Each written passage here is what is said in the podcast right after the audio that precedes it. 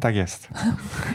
Musi być jakaś różnica. No dobra, to jest jakieś symboliczne znaczenie? Nie, nie, nie, nie zupełnie. To jest bardziej, e, kolory mikrofonów są po to, żebym ja wiedział, który po, po co podpiąć. Jakby się, żeby się nie pomylić, kto jest na którym końcu. A, okay. Bo jeszcze dzisiaj mamy tylko dwa, ale jak mamy cztery, e, to wtedy zaczyna się robić mała logistyka kablowa i tak dalej. Okej. Okay, no. To zaczynamy.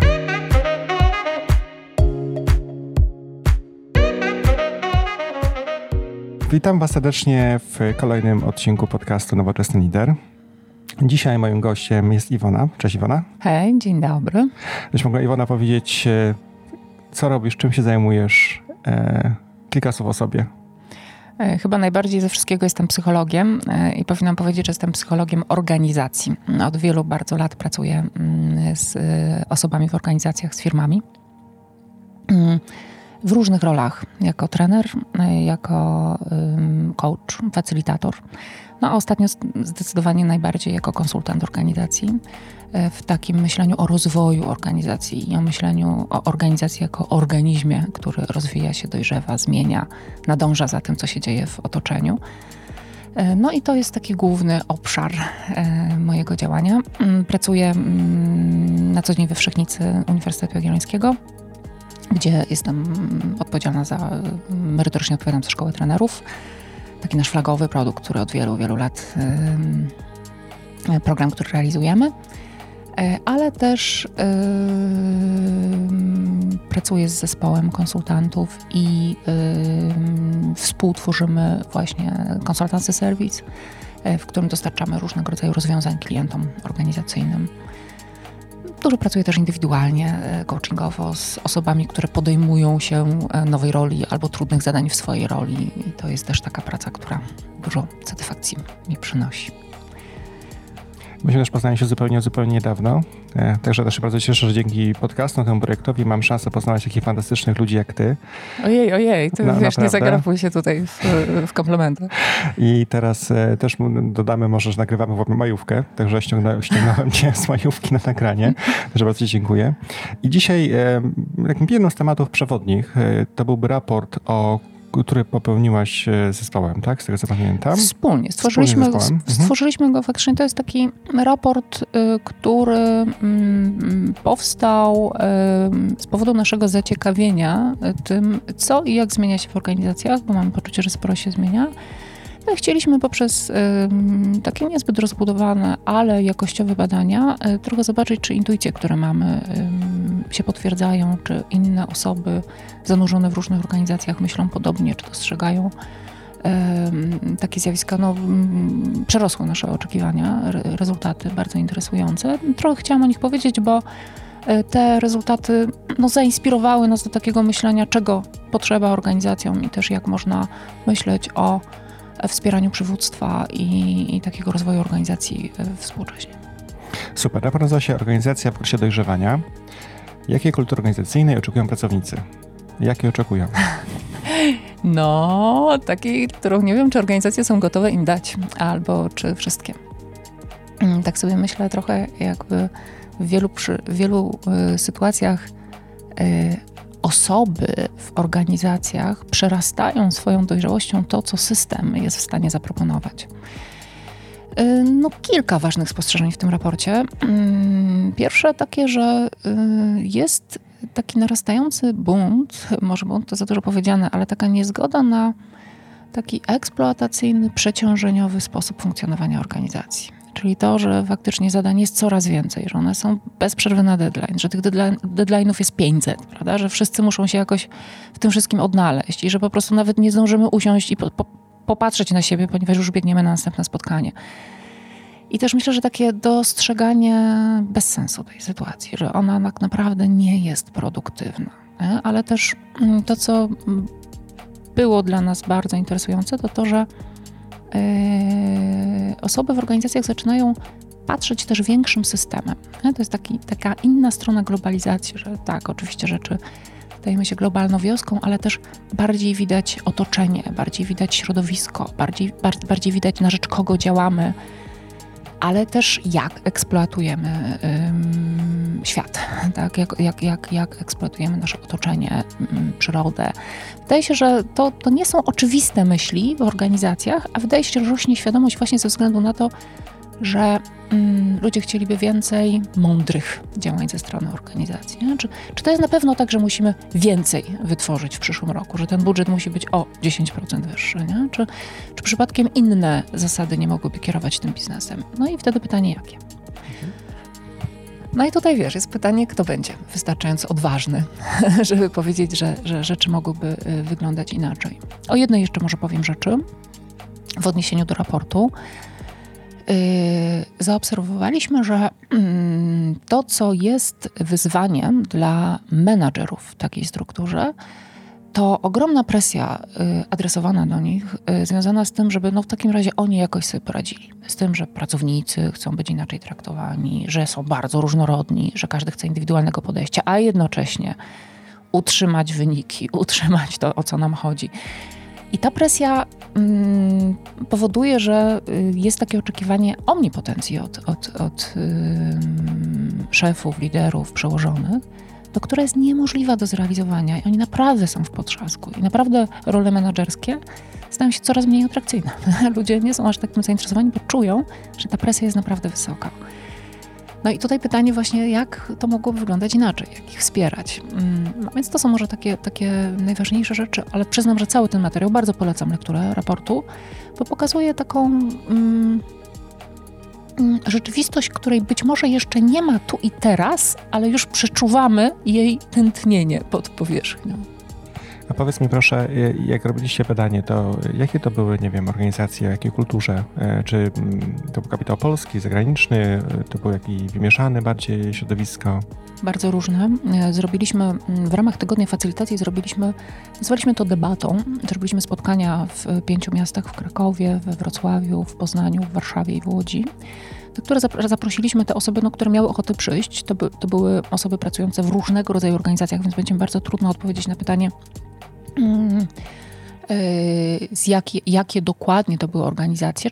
Zazwyczaj duże to, był, to były osoby, które pracowały w działach HR, to byli menadżerowie, to byli też niezależni konsultanci pracujący z różnymi organizacjami. Yy, tak. Bo dla, dla, dlaczego pytam? Dlatego, że tak nawet patrząc z perspektywy mm, mojej zawodowej, poznając osoby, kolegów, koleżanki z różnych firm, no to jakby można spojrzeć, gdzie są najbardziej preferowaną w chwili obecnej pracodawcą, jeśli chodzi o kulturę, to są najczęściej firmy skandynawskie. Aha, tak. Dlatego, że tam jest bardzo ważny ten właśnie balans, jest bardzo ważny e, podejście zdrowe do mm, ekologii, e, co jest dzisiaj coraz bardziej ważnym dla ludzi tematem, że nie tylko, że takim wiesz, atrakcyjnym medialnie, ale po prostu ważnym dla ludzi mhm. Natomiast oczywiście mamy na drugiej y, szali możesz mieć inne kultury. Nie wiem, niemiecka jest bardziej dokładna, daje dużo mniej mm, przestrzeni do działania. Akurat w Poznaniu z 80% hmm. firm jest o kapitale niemieckim, więc jakby tam pewnie dlatego pytam się o kultury i o miasta, bo tam jest zdominowany rynek właśnie przez niemieckie i szwajcarskie firmy, ogólnie niemieckojęzyczne. Hmm. My mamy często do czynienia z firmami, które są takim bardzo szczególnym miksem e, kultury polskiej, kultury i organizacji pracy, czyli na przykład są to duże firmy, które zostały kupione czy przejęte przez światowe koncerny czy duże organizacje. E, no i już ten element, ten moment przejęcia spowodował, że bardzo wiele się zmieniło w organizacji i różne standardy związane, nie wiem, z pomiarem, z produktywnością, z efektywnością, z E, koniecznością realizacji rzeczy mm, w terminie. To różne standardy, z którymi firmy sobie bardzo nieźle poradziły. Natomiast myślę, że, ten, że to wyzwanie kulturowe, o którym teraz mówię, bardzo jest widoczne w tych firmach. Czyli taki moment, kiedy e, takie stare, hierarchiczne rozwiązania dotyczące tego, tak ma być, należy zrobić i wykonać, przestają działać, e, nie przynoszą wystarczających rezultatów, ludzie nie reagują na nie dobrze lub zaczynają się irytować że są traktowani w taki sposób, w jaki nie chcą już być traktowani. Bardzo często mm, dość trudno jest zaproponować e, liderom, menadżerom inne podejście, zwłaszcza jeśli e, przez lata wzrastali w takim podejściu. Mm, ci, którzy potrafią to robić, są mniejszością i bardzo często w przypadku tych organizacji teraz poszukuje się rozwiązań związanych ze zmianą kultury organizacji, ze zaszczepieniem innych wartości, ale jednocześnie autentycznym, tak? czyli takim, żeby to naprawdę zaczęło się dziać co wymaga ogromnej yy, dawki nowych kompetencji na poziomie menedżerskim, przywódczym, liderskim. A jakie to były kompetencje, gdybyś mogła powiedzieć? które rekomendowałabyś rozwijać lub poznawać? Zanim jeszcze powiem, jakie kompetencje, to powiem, co się musi dziać inaczej. To jest ten przetarg pomiędzy hierarchią a bardziej płaską strukturą. Nie? I w tej bardziej płaskiej strukturze wszystko się wydaje, że to będzie w ogóle mile i łatwiej, nikt nie będzie mną rządził. No, nie jest tak do końca. No, to jest tak, że w płaskich strukturach bardzo narasta dynamika, taka interpersonalna. To zresztą taki, taka, taki obszar, który bardzo, bardzo osobiście mnie zajmuje, dużo się tym zajmuję. Yy, I wtedy kompetencje interpersonalne, kompetencje związane z umiejętnością wysłuchania czyjegoś punktu widzenia, nazwania istoty rzeczy, postawienia problemu do pracy, wspólnego rozwiązywania problemów, nie? umiejętności podjęcia decyzji e, i też e, takiego no, dzielenia się władzą. No, to jest cała masa kompetencji, które nie są oczywiste. I tak, to w dużej mierze będą kompetencje interpersonalne. Y, myślę, że to będą kompetencje też poznawcze, związane z organizacją procesu intelektualnego, również w grupie, z taką e, świadomością e, tego, gdzie jesteśmy w procesie, nie wiem, na przykład rozwiązywania problemów. E, no, ale też z umiejętnością no, nazywania pewnych własnych stanów i dostrzegania obserwacji siebie w tej sytuacji i tego, kiedy ja jestem gotowa podjąć jakąś odpowiedzialność, kiedy ta odpowiedzialność jest mm, jakoś wpychana w moje ręce i ja jej nie chcę. Myślę, że to pobożne życzenie, że rozwiązania turkusowe są odpowiedzią na całe, na całe, na wszelkie wyzwania związane jakby z hierarchią i z powolnością i, i z nieefektywnością tych struktur, myślę, że mogą być bardzo użyteczne pod warunkiem, że jest tam dość kompetencji, żeby faktycznie wypracowywać efektywność w inny sposób.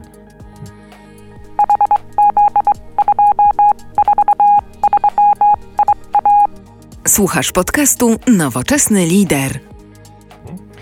Super. E, to może powiedzmy jeszcze, bo raport jest super i wiem, że jednym z elementów e, miejsc, które będzie, będziemy chcieli go pogłębiać, będzie konferencja, która będzie odbywała się bardzo niedługo już w Krakowie. Możesz może powiedzieć trochę więcej o tej konferencji, o czym ona będzie, jacy będą goście?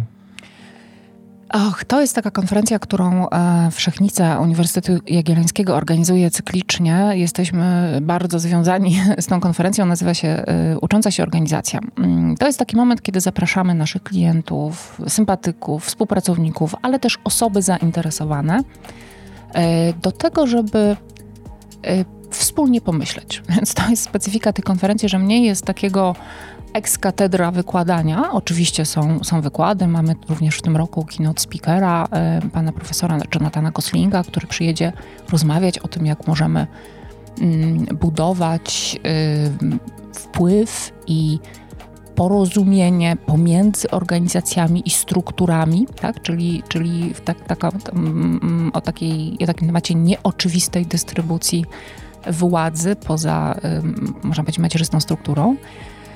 Yy, ale to, co mi się wydaje bardzo ważne, to to, że to, co mówią uczestnicy tej konferencji co roku, to to, że to jest naprawdę okazja do pomyślenia o takich tematach, które wydają się dość gorące w wielu organizacjach, yy, trochę zainspirowania się wzajem, podzielenia się własnymi doświadczeniami. Staramy się w, w, w czasie konferencji stwarzać takie przestrzenie.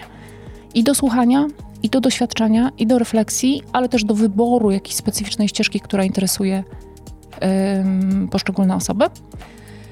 E, więc e, faktycznie ten temat władzy, on e, wydaje się, władzy i autorytetu wydaje się o tyle istotny, że mm, organizacje, tak jak powiedziałam wcześniej, zmieniają się intensywnie i ten dylemat bardzo różnie bywa rozstrzygany, często bez takiego spokojnego zastanowienia się, co będzie dla nas w tej sytuacji dobrym rozwiązaniem. Więc mam nadzieję, że takie, tak, takie bycie na konferencji e, pozwoli, e, jest zaproszeniem właśnie do, taki, do takiego pomyślenia, do takiej refleksji, do, do, do wspólnego namysłu na ten temat. Mhm.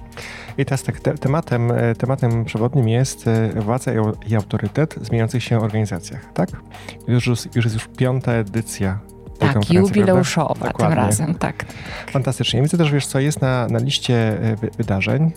Też podlinkujemy oczywiście e, u nas e, link do tego wydarzenia. Och, to ja poproszę, żeby były jakieś szczególne względy dla osób, które będą chciały skorzystać z konferencji. Cieszę się bardzo. Widzę, że są takie warsztaty o nazwie Group Relations.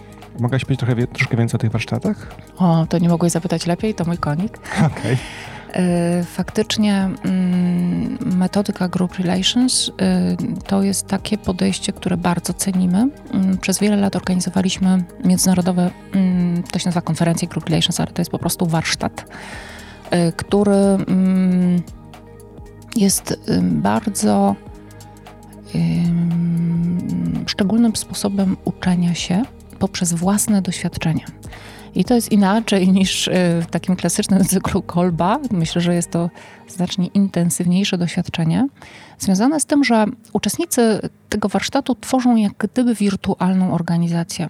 Czyli przychodzimy mm, i zarówno osoby prowadzące, jak i uczestnicy podejmują rolę w tym, w tym systemie. To nie jest, tam nie ma żadnego scenariusza, ale jest tak, że są po prostu bardzo jasno, wyraźnie określone role i takie trzy ważne parametry, które mm, stanowią kanwę dla tego systemu.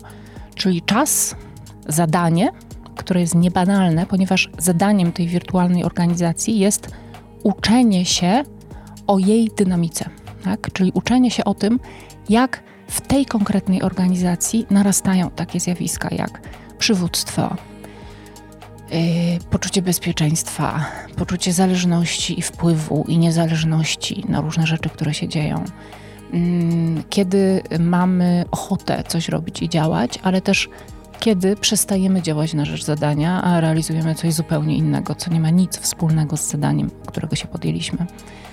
I faktycznie mm, poprzez e, w tym roku, poprzez e, ze względu na temat konferencji, chcieliśmy skoncentrować się na dynamice związanej z budowaniem autorytetu, ze wspieraniem autorytetu, z przywództwem, które służy celom, na którym nam zależy, po to, żeby rozpoznawać to w sobie i uczyć się rozpoznawać to w systemie, w którym działamy. No cóż, chyba powinna powiedzieć, że nigdzie się więcej nie nauczyłam w swoim życiu niż podczas tych warsztatów. Wielokrotnie uczestniczyłam w takich warsztatach, też prowadzę je również międzynarodowo. Jest to unikalne doświadczenie, niełatwe, myślę, że uczciwie trzeba powiedzieć. Natomiast, jak się to mówi, e, e, pewnych rzeczy nie da się odzobaczyć. Więc to, co nam na co dzień umyka, mm, e, ponieważ w tym paradygmacie rozmawiamy nie tylko o świadomych, ale również o nieświadomych procesach, które dzieją się w systemach i w organizacjach. Więc e, raz dostrzeżone, jesteśmy w stanie później widzieć i nazywać, gdy pracujemy w kontekście e, codziennym. A w codziennym kontekście jest tak, że inne rzeczy zwracają naszą uwagę. Temat, to o czym rozmawiamy, to w co ktoś jest ubrany, prawda? Czyli te rzeczy, które są widoczne. Natomiast to, co powoduje zachowanie i to, co wpływa na ostateczne decyzje, to często są właśnie te nieświadome motywy. Czyli to, że ktoś chce wygrać, że ktoś chce coś komuś udowodnić, albo że mm, nie do końca wszystkie interesy są klarowne i rozpoznane, ale też, że trudno jest podejmować przywództwo, że nas ranią różne wiem, zdania, komentarze, zachowania, że nie każde przywództwo jest możliwe w każdej organizacji. Duża, duża dawka mm, wiedzy, doświadczeń. Mm. Bardzo serdecznie zapraszam. No brzmi to bardzo, bardzo, bardzo ciekawie. A powiedz mi jeszcze, bo mieliśmy już ten temat y, poruszany chyba dwukrotnie w podcastach i temat autorytetu jest dzisiaj tematem dość mglistym. Jeśli rozmawiasz z ludźmi, były tematy, ten temat był poruszony z milenialsami w pierwszym odcinku, w ogóle pierwszym odcinku podcastu w tej serii, to dla nich w ogóle autorytet rozumiany przez nich i przeze mnie to są dwa różne światy. Czy też widzisz może jakąś, nie wiem, zmianę w myśleniu mm, pokoleniową, albo ewentualnie jak definiujesz autorytet ty jako ty? Bardzo ciekawe pytanie, e, za które dziękuję. Mm, myślę, że możemy powiedzieć o takim bardzo klasycznym y, i mm, codziennym rozumieniu autorytetu, czyli że przeżywam kogoś jako autorytet. Co by to znaczyło? no, że opieram się na opinii tej osoby, że prawdopodobnie zgadzam się z opiniami tej osoby, że ta osoba jest dla mnie ważna i że może wpływać na różnego rodzaju moje mm, być może wybory, że będę brać pod uwagę jej zdanie. To w takim, w takim porządku, że na przykład też mój ojciec może być dla mnie autorytetem, albo na przykład y, mój promotor na jakimś etapie mojego rozwoju może być dla mnie autorytetem, mógł potem przestać być autorytetem. To jest też ciekawe, prawda? Mhm. Że, że te, te rzeczy się zmieniają. Mm, to, co wydaje mi się istotne, to jest y, i proces, który jest niedoceniany, a być może w ogóle nie nazwany w polskich kulturach organizacyjnych, to jest autoryzacja. Czyli, że ja autoryzuję siebie lub kogoś do działania w moim imieniu, lub też autoryzuję siebie do tego, żeby powiedzieć i nazwać pewne rzeczy. Y, I w tym sensie przypadku liderów myślę, że sięganie do własnego autorytetu jest niezwykle istotne. Hmm? Widziałam wielu liderów, bardzo doświadczonych, dużego e, na wysokich stanowiskach, którzy miałam wrażenie byli totalnie odcięci od własnego autorytetu i tak naprawdę można powiedzieć byli mm, elementem struktury raczej niż osobą w roli, która w kontakcie ze sobą reaguje i realizuje zadania. Co mi się wydaje Y, bardzo istotne. Y, I w tym sensie y, myślę, że mm, warto też powiedzieć o tym, że mm, taki, jeśli ktoś jest obdarzany autorytetem w organizacji, to niekoniecznie jest to autorytet formalny, prawda? Czyli, że to może być bardzo nieformalna autoryzacja, ale to jest także moja wiara w tą osobę, w to, że ona działa słusznie, w imię wartości, które są mi bliskie. Ja ją popieram, tak? I jej siła płynie stąd, że ludzie za nią podążają.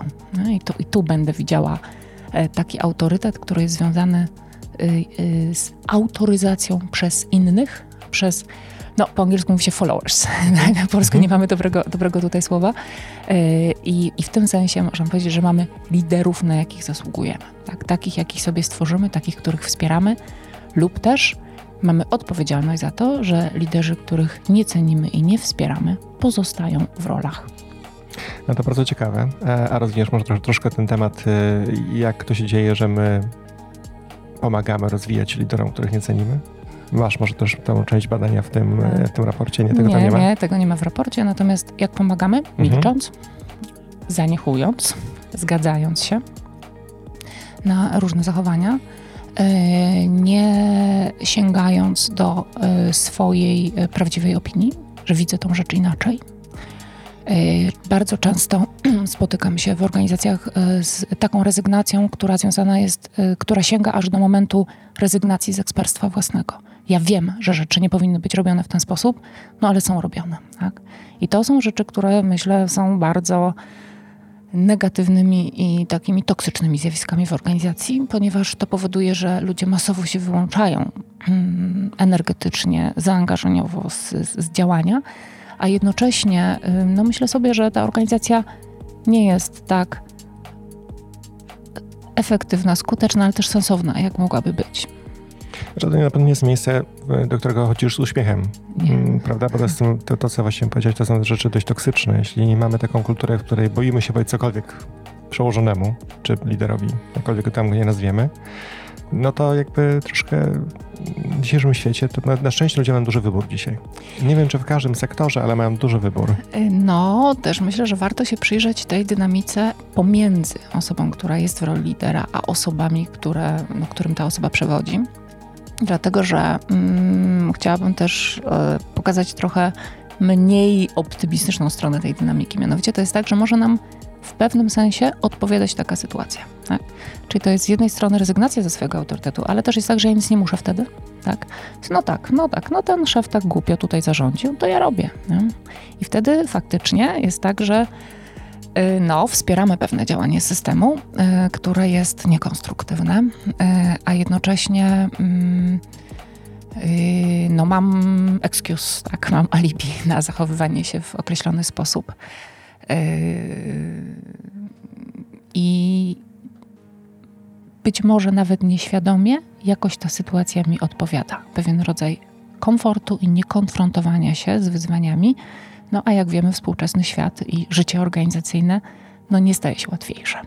Staje się bardziej złożone. Nowoczesny lider. Podcast dla poszukujących inspiracji liderek i liderów. No tak, to, to już powtarzałem pewnie po raz enty, ale świat się szybko zmienia, jakby y, dynamika tego, co się dzieje dookoła jest bardzo duża. Ja też miałem właśnie w poprzednim podcaście, rozmawialiśmy z y, Jowitą odnośnie przyszłości, y, jakie kompetencje przyszłości mogą być potrzebne. No i tam właśnie takie uczenie się, takie rzeczy bardzo ludzkie będą pewnie wygrać w przyszłości, bo mamy robotykę, automatyzację i tak dalej. No bo takie zawody wydawały się dzisiaj bardzo lukratywne i interesujące, jak bycie informatykiem, programistą. E, no to, to przewidywania są 7 do 10 lat i będą te prace mogą być zautomatyzowane. Więc jakby faktycznie idąc dalej, dalej w kierunku, kierunku, e, to, to te umiejętności, te, które ty wspominałaś, takie socjalne, takie wiesz, między, interakcje międzyludzkie i tak dalej będą coraz bardziej, bardziej istotne, aby móc pracować w firmach i tych liderów właśnie będziemy szukali, poszukiwali i hołbili. Ale też mam takie pytanie do ciebie, bo to powiedziałeś bardzo ciekawą rzecz, czy taka prokrastynacja trochę pracowników, jeśli chodzi o ich liderów, e, ty, robiąc badania czasami z ludźmi, to jest powszechne, jeśli chodzi o o nasz rynek? Możemy tak łatwo się godzimy na taką byle jakość? Y, chyba nie mam e, dobrych podstaw, żeby odpowiedzieć e, w, w oparciu o badania na temat naszego rynku, mhm. ale myślę, że mam wystarczające podstawy, żeby odpowiedzieć na poziomie natury ludzkiej. Mhm. Okay. E, I gdy zajmuję się, tak jak powiedziałam, od wielu lat dynamika grup, systemów, organizacji jest przedmiotem mojego zaciekawienia. E, I e, to jest tak, że mm, zespół e, może działać w takim trybie, w którym jest efektywny i faktycznie realizuje zadanie, i wtedy to jest taki moment, kiedy ludzie czują, że ich zasoby, to kim oni są, to po co są w tym zespole, naprawdę są wykorzystywane i idą w odpowiednim kierunku. I to zarówno zasoby lidera, jak i osób, poszczególnych członków zespołu w różnych rolach. I wtedy mamy poczucie, wow, jakby robota się dzieje, idziemy tam, gdzie mamy iść, i to jest naprawdę duża efektywność. Tylko czy ktoś widział to bez przerwy w organizacjach? Prawda? Czy jest, jest tak, że przełączamy się pomiędzy tym trybem, który nazywamy zadaniowym, a takim trybem, który jest związany z bardziej emocjonalnym funkcjonowaniem w sytuacji i z takim sposobem funkcjonowania, kiedy zawieszamy się na przykład w zależności i nie wiem, rzecz robi się za trudna, to ja wtedy patrzę na mojego lidera, niech on podejmie decyzję, prawda? Ja się zwalniam z odpowiedzialności i to będzie zależność. I takich systemów mamy mnóstwo, że ludzie wiszą na liderach, tak, przepraszam za kolokwializm. I yy, w związku, oczywiście jest to też sytuacja karmiąca dla lidera. On może sobie pomyśleć, wow, prawda? Kto jak nie ja, ale jednocześnie szalenie obciążająca i wcale nie jest powiedziane, że jego decyzje będą najlepsze w tej sytuacji, bo nie ma wszystkich danych.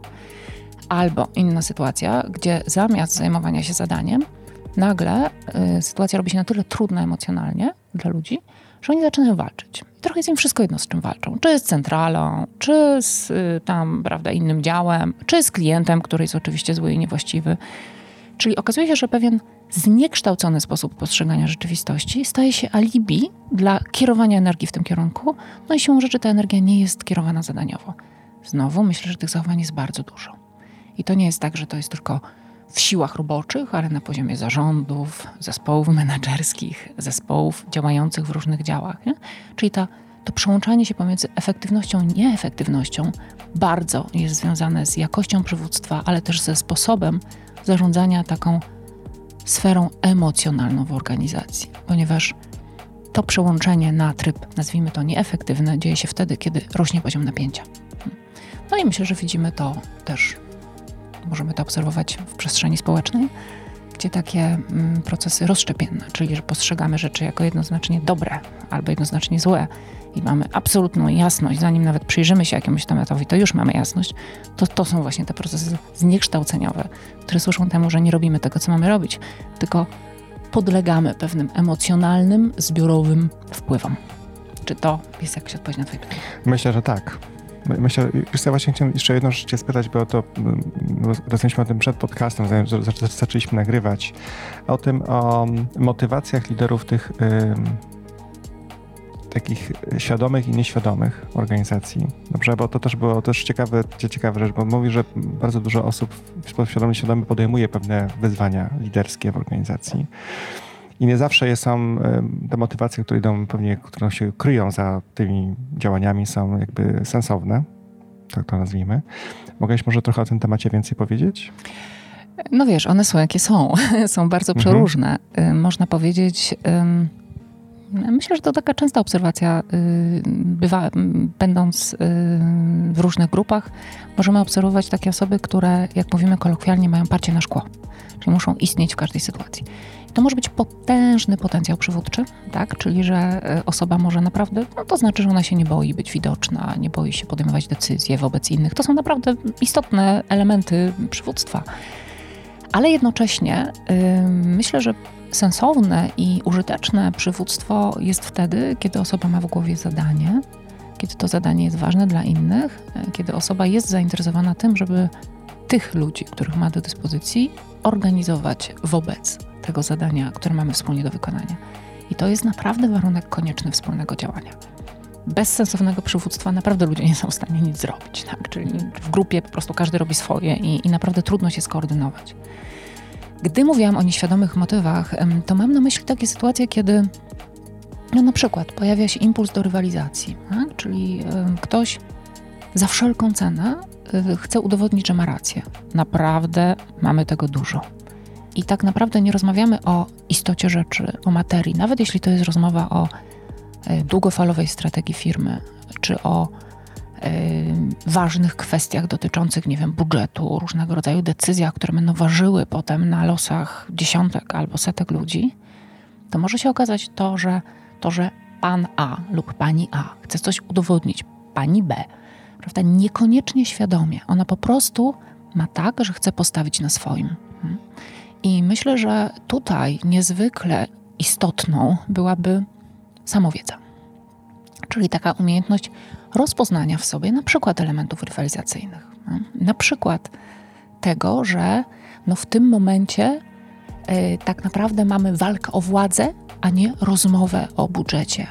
A tego na poziomie zarządu y, nie tak łatwo jest, nie jest tak łatwo to rozpoznać, nie jest tak łatwo to nazwać i przyznać sobie, o kurczę, panowie, znaczy jakby troszeczkę jakby nie rozmawiamy o tym, o czym mamy rozmawiać. Nie?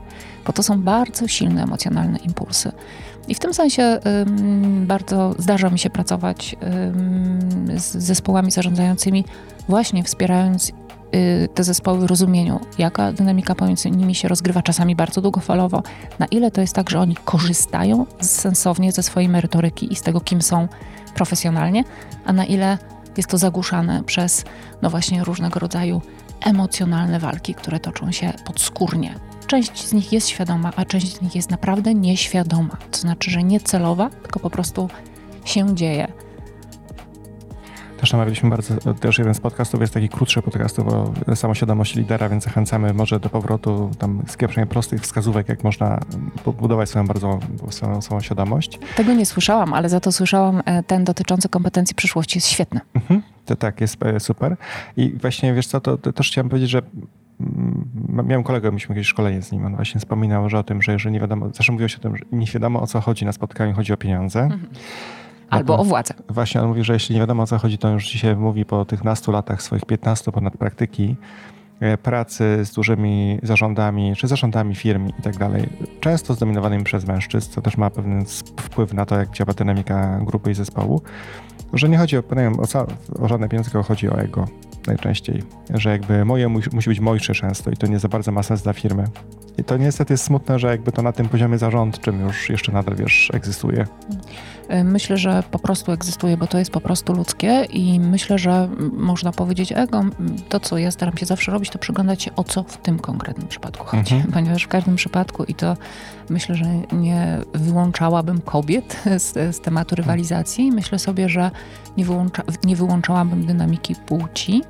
Myślę, że mm, to, co jest tutaj bardzo istotnym elementem, to będzie gotowość do tego, żeby zobaczyć własne ograniczenia. Gotowość do tego, żeby zobaczyć, gdzie e, jest moja słabość i jak ja e, tę, tą słabością zarządzam. Na ile jest tak, że faktycznie radzę sobie z nią w sobie, na ile jest tak, że przerzucam tą rzecz na innych i ona się jakoś rozgrywa w relacjach między ludźmi.